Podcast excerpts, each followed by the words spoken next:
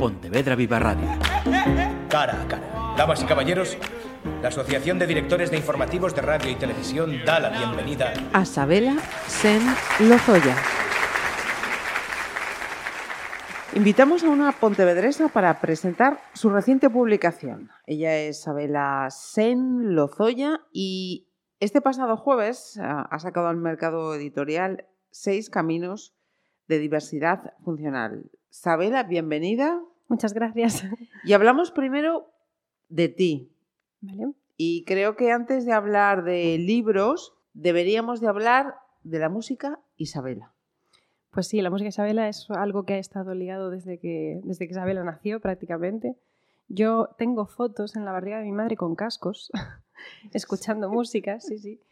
Y bueno, pues la verdad es que desde que tenía tres años yo empecé a tocar el, el piano, el violín, cantaba. Cantaba, la gente se sorprendía por la calle porque yo iba cantando zarzuelas. Muy bien. Y, y pues es, es, inevitable al final. Me he tenido que dedicar a esto porque es lo que llevo haciendo toda la vida y no concibo, yo no concibo una vida sin música. Uh -huh. Cantabas, o sea que además de instrumentos, también la voz Sí. es una cualidad tuya. No sé si cualidad, porque al final hay muchos tipos de voces. En, en la enseñanza arreglada siempre se dice que, que, bueno, que la voz lírica es una voz limpia, es una voz que, que afina perfecto, tal. Bueno, pero tenemos ejemplos como Joaquín Sabina, que tiene una voz rota y a todos nos encanta. Sí. Entonces, bueno, yo tengo una voz eh, un poco nasal, que yo creo que se nota también al hablar, y, y cantando también. Entonces, bueno, no sé si tengo el don de la voz, pero cantar me gusta y, y lo hago también. ¿Y en el apartado instrumental? Pues yo me he formado como violinista. Ajá. Em, lo que pasa que, bueno, en los estudios de violín, los comencé a los ocho años en el Conservatorio de aquí de Pontevedra, en el Manuel Quiroga, pero yo tenía ganas de tocar el piano también, entonces los llevé un poco a la par, los estudios de violín y de piano. Luego el piano lo, lo abandoné, los estudios reglados, pero sigo tocando en mi trabajo, de hecho, lo utilizo muy habitualmente el piano. Y bueno, aunque mi formación es como violinista, es el instrumento que, que yo domino. Ajá. Em, además, esa faceta musical la has llevado a- al ámbito de la docencia. Has trabajado en enseñanza musical con niños, además, em, que tiene diversidad funcional. Sí, esto es algo en los conservatorios muy poco habitual. Siempre, bueno, se piensa que los conservatorios enseñan música, es, un poco elitista, ¿no? Se dice.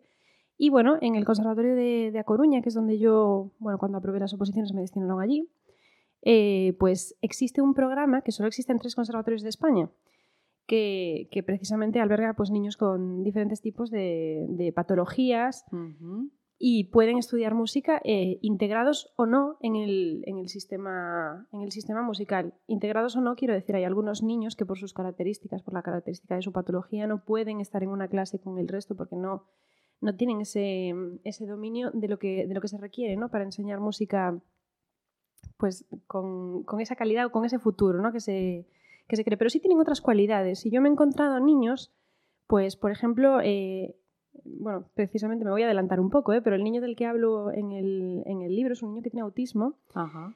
en, en estado severo. Entonces es un niño que no, no se comunica contigo con una conversación, tiene otras formas de comunicación. Y musicalmente hablando, este niño me hacía en grado elemental, en los cursos más bajitos, me hacía cosas que no me hacía en los de grado profesional. Y esto era increíble, era increíble cómo se podía trabajar con él, con la música a ese nivel. Entonces, bueno, es, está muy bien ese proyecto porque al final es adecuarse a lo que ellos pueden hacer y sacarles el máximo potencial según sus características. Ajá. ¿si- ¿Sigues en, ese, en esa actividad eh, todavía o no? Este año no, porque he pedido, bueno, como vivo en Pontevedra, he pedido un traslado para Santiago, pero es que les echo tanto de menos que el año que viene voy a volver y, y continuaré, sí. Estoy, además, eh, estoy muy enterada de lo que hacen y les sigo muy de cerca. Ajá.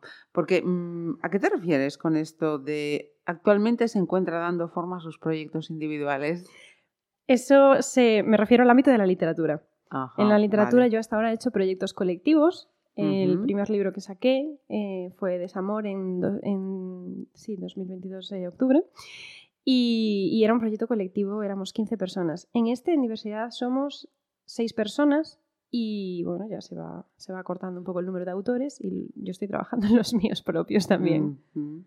Vale, entramos entonces en, en el apartado literario. Has mencionado ese primer eh, libro que yo tenía anotado, La tribu de los corazones rotos. Desamor, la tribu de los Ah, corazones ves, rotos. Me había, cono- me había comido yo una palabra preparando esta charla.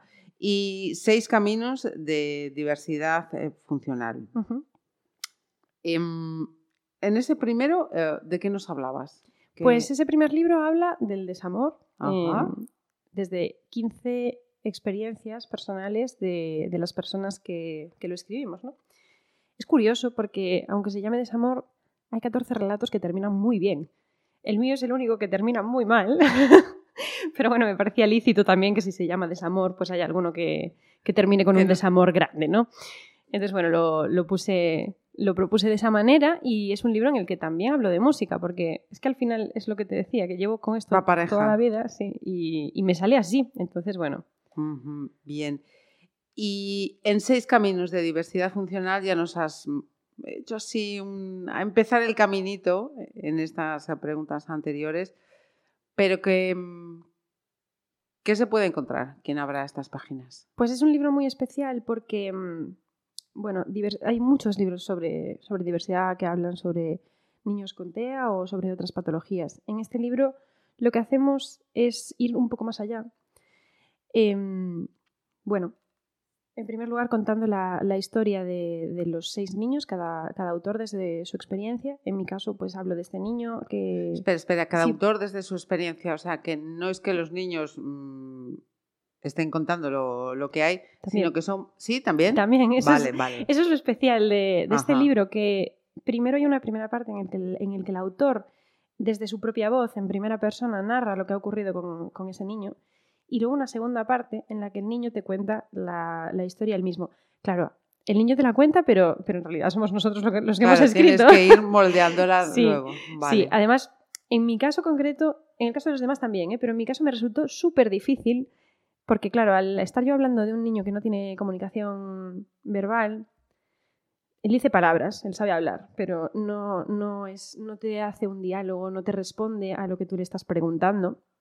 Entonces, para mí fue muy complicado imaginarme los procesos mentales de, de él y fueron un trabajo muy denso de, de hablar con su madre, de, de estar con él, de imaginar, de, ponerme yo en su situación, ¿no? Al final. Y de hecho, yo creo que la impresión que se lleva el lector, por las, por las críticas que por ahora he recibido, es que es todo muy desordenado. Es, da, da un poco la impresión de, de- da un poco de ansiedad al leerlo, quizás porque son muchas palabras, son mucho- muchas cosas, porque a los niños con autismo el problema que tienen, que no es un problema en realidad, igual el problema es nuestro, nosotros lo que hacemos es, pues si yo voy a un centro comercial, yo me centro en los estímulos que a mí me interesan, ¿no? Si me paro en una zapatería es porque he visto unos zapatos que me gustan. Ellos no tienen, no tienen ese filtro, a ellos todos los estímulos le llegan por igual, entonces le llegan las luces, le llegan la gente gritando, los pasos de si hay muchas personas, eh, los escaparates, los colores, todo, les llega todo y no lo filtran. Entonces, para ellos, el mundo es un lugar muy hostil, porque hay demasiados estímulos y eso es precisamente lo que yo traté de transmitir en mi relato y por eso puede producir pues esa ansiedad, ¿no? Al leerlo, que bueno, al final estoy contenta, estoy muy contenta con el resultado porque es precisamente eso lo que te hace un poco ponerte en la piel del niño, ¿no? El, sentir las cosas como acercándote más bien a lo que él, a lo que él percibe. En la de veces que, mm, que, que en charlas, en programas de los que llevamos, nadie me había conseguido mm, describir de forma tan comprensible el, au- el- el Sí, sí que me lo creo. Porque es un mundo muy desconocido y porque la, la palabra que engloba la. Que, bueno, que como se llama el trastorno, es trastorno del espectro autista. Es un espectro muy grande. Hay personas que tienen autismo y tú hablas con ellas y no lo percibes. Quizás puedes, puedes decir, oye, esta persona igual es un poco rara o no me mira cuando me habla o tal. Puedes, puedes eh, percibir algo, pero el espectro es tan grande que cada uno puede tener pues sus características totalmente diferenciadas. Muchas veces se dice que una persona con autismo rehuye del contacto físico. Bueno, pues este niño está todo el día abrazándome cuando me ve, desde el primer día. No le hizo falta tener confianza conmigo para abrazarme. Porque cada uno es tan diferente. O sea, al final no tenemos que olvidarnos que el, el autismo o cualquier otra patología son etiquetas. Y las etiquetas no están mal, a veces son necesarias, tampoco es ponerse en contra de los diagnósticos, son necesarias, pero muchas veces nos limitan a nosotros, no a ellos, el cómo les vemos, ¿no? Y, y es muy bonito poder adentrarse en, en, el mundo interior de cada persona, porque sí, muy bien, tendrá autismo, pero sigue siendo una persona. Y tiene las características de su entorno, de su personalidad, etc. ¿Me explicas cuáles son esas otras diversidades funcionales que Sí. tratan en el libro? En el libro quisimos eh, tocar muchas, ¿no? Ah, Faltan, faltan muchos tipos de, de patologías que son muy comunes, como puede ser el síndrome de Down, por ejemplo.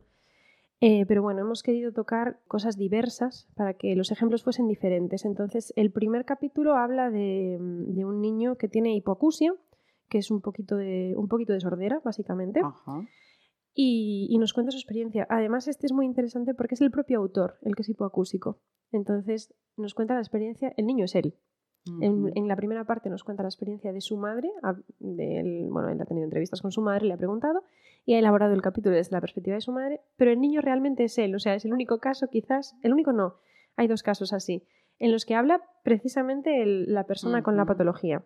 Luego vendría el mío, luego hay un caso de, de una enfermedad eh, llamada epilepsia focal, que bueno, es un tipo de epilepsia que acarrea más eh, sintomatología que la, que la epilepsia que normalmente conocemos. ¿no? Esta autora es, eh, es colombiana, es la única que no es española, y narra la historia de su hija. Y es muy bonito, la verdad. Eh, luego tenemos uno que habla sobre TDA y TDAH. El TDA es trastorno de atención Sí. y el TDAH, trastorno de atención e hiperactividad.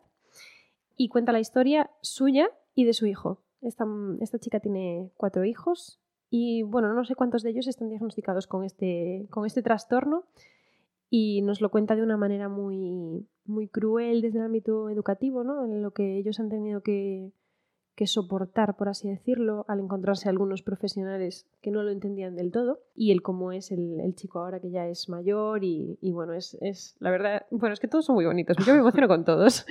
Luego hay un caso de una enfermedad rara que se llama síndrome de Sturge-Weber. El, Uf, sí, Explícanos, por favor. Sí. Bueno, es una enfermedad eh, neurológica, es una enfermedad, creo, igual me, me estoy, me estoy colando, ¿eh? pero creo que es degenerativa y se nos cuenta desde la perspectiva de una madre eh, con todo lo- todas las complicaciones que se encontró cuando su hija nació. Además, cuenta el caso de dos gemelas, una tiene el síndrome y la otra no, lo cual, pues, es, es muy cruel, ¿no? El, Sí. el destino es muy cruel. Y la perspectiva de la niña es totalmente diferente, porque la niña no sabe lo que tiene, la niña lo único que sabe es que tiene una mancha en la cara. Entonces, trata el diagnóstico desde, desde una perspectiva más estética, quizás, que es una cosa que no se ve en ningún otro relato, ¿no? No le damos nada de importancia al factor estético, pero esta niña sí se lo da, porque para ella es muy duro crecer con una mancha en la cara y comprobar que el resto de sus compañeros no tienen No manchas. Claro. Entonces la niña obvia un poco todo el resto de sintomatología que para ella es totalmente secundaria, porque para ella lo importante es su mancha. Es. Claro. Y es, es muy emotivo leer a, a la niña y, y ver la, la diferencia tan grande que hay entre el relato de la madre y el relato de la niña. Es que no tienen nada que ver. Y el último es un caso de hemiparesia. La hemiparesia es una, una discapacidad a nivel motriz. Es una persona que está en silla de ruedas y, y, bueno, nos cuenta un poco. La historia está más enfocada desde el punto de vista educativo porque la persona que lo cuenta es una profesora de PT, de, pedagogía terapéutica. Entonces está muy, muy contada desde, desde el cole, ¿no? Ajá. Hay otras historias que se cuentan desde casa, desde los compañeros, tal. Esta es desde el ámbito educativo. Y también es muy interesante, la verdad. Es, y además se puede aprender mucho de esta historia. Mira, una cuestión, Sabela, cuando eh, estábamos, eh, estaba respondiendo a esta pregunta que dices, luego está el mío, el mío, pero que hablas de otra tercera persona. Eh, mi relato, dice, Sí. sí. Yo en mi relato hablo de. Hablo de un, de un chico el, que tiene autismo, ya. El que decías dice, eh, claro. anteriormente, sí, Pero sí. yo cuento la experiencia desde la voz del niño, como ya dije, y desde la mía como su musicoterapeuta. Ajá. Yo también hice esto un poco para, para, para poner un poco en conocimiento de, de la gente, ¿no? Que existe la, la figura del musicoterapeuta, que en España no es conocida. De hecho, bueno, se puede estudiar en muchos sitios, pero son títulos privados. Y desde hace poquito, en- creo que es en Valencia, que hay titulación oficial, lo cual está súper bien. Pero no es, una, no es una carrera conocida y, sin embargo, es muy necesaria. En, en Madrid, por ejemplo, en La Paz hay, hay musicoterapeuta en el hospital. Aquí en Pontevedra hemos tenido a, a una musicoterapeuta trabajando en atención primaria. durante sus prácticas y el hospital quedó encantado. Ella se llama Valeria Mederer y bueno, actualmente es profe en, un cole de aquí, de Pontevedra.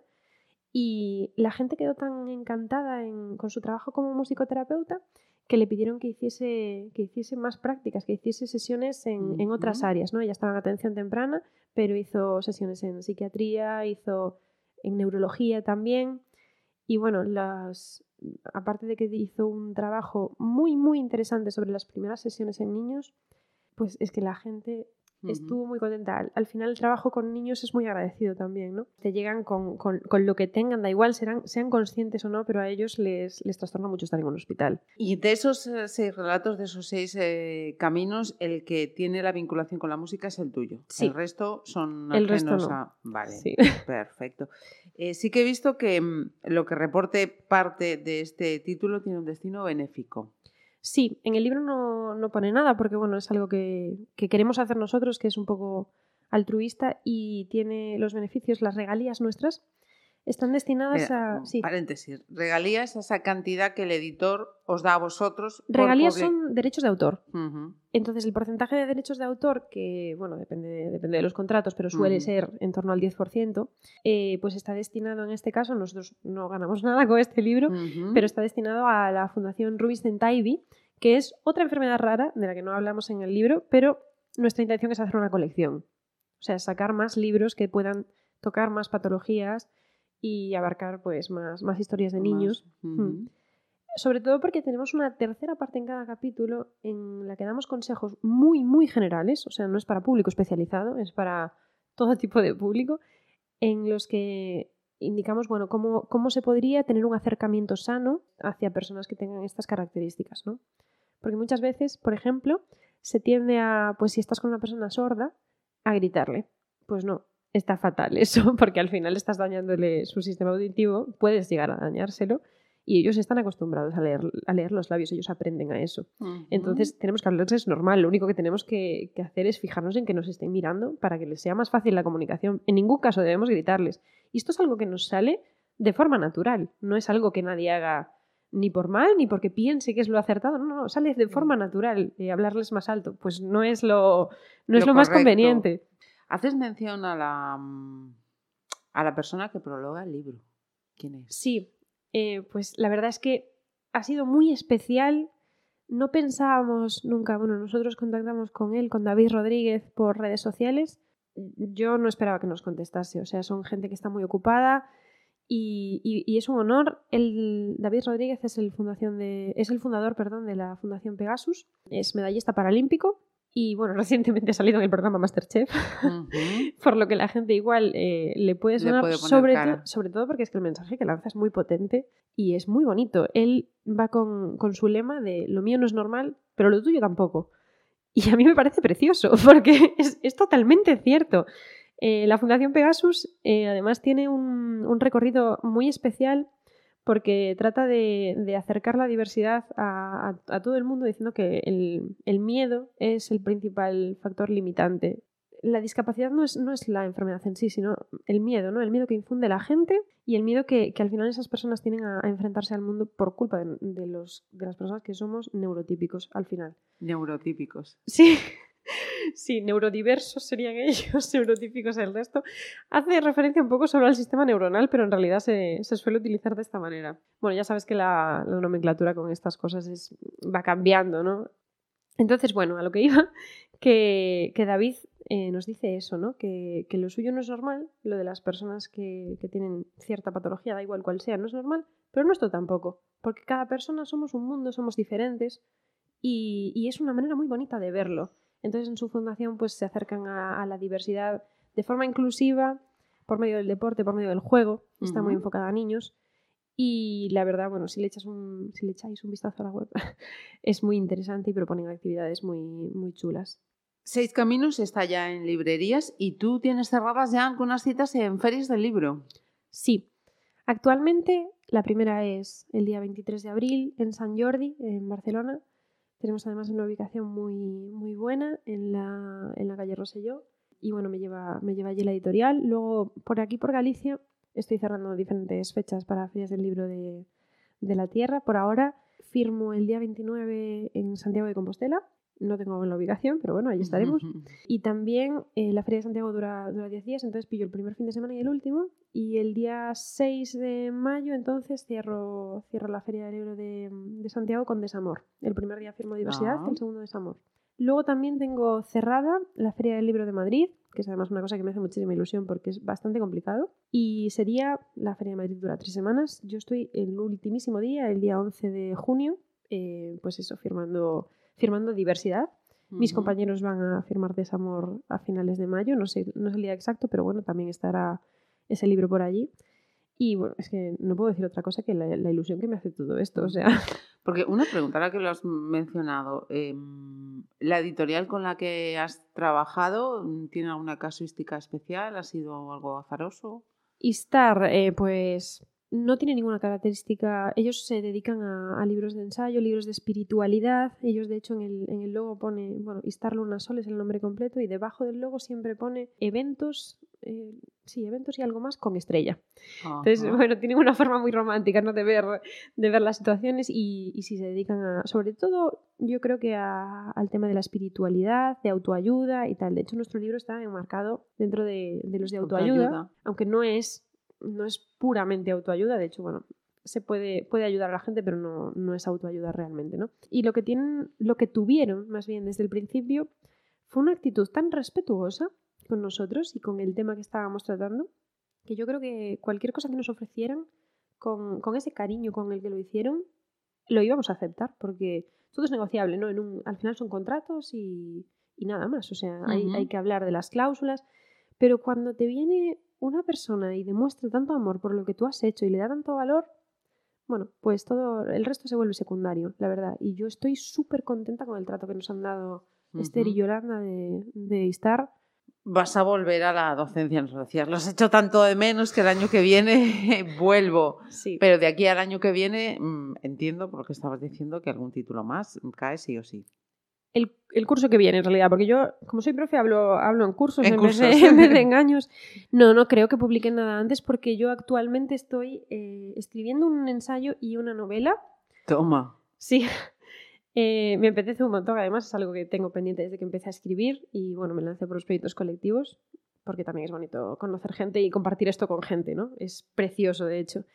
Pero bueno, estoy, estoy haciendo esto y claro, esto tiene un proceso, ¿no? Primero escribirlo, luego tiene que pasar por corrección, luego es cuando se envía el manuscrito a las editoriales, las editoriales te contestan en un plazo de seis Tiene meses. su proceso y es largo. Claro, luego viene el contrato si te contratan y de que de firmar el contrato a que se publique el libro como mínimo otros seis meses. Entonces es imposible que antes de septiembre tenga yo publicado nada nuevo. Pero bueno, no, no sé cuándo será, pero espero, Pero espero que alguna llegará. editorial me quiera. Sí. Llegará. pues eh, Sabela, una pontevedresa que nos ha acompañado para este cara a cara, para hablarnos de música, de títulos editoriales en los que está inmersa y de inclusión ¿no? y de normalización. Me voy a quedar yo con esas Sí. dos palabras, neurotípicos y neurodiversos. Mira, ¿ves? Todos aprendemos algo todos los días. Sabela, muchísimas gracias y mucha Muchísimas suerte. gracias a ti, de verdad.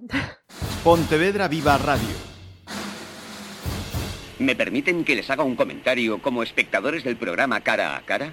Según un reciente sondeo de mercado, ustedes disponen de estudios e inteligencias superiores a la media. Sus intereses abarcan desde la actualidad mundial y la ciencia hasta el deporte y los espectáculos.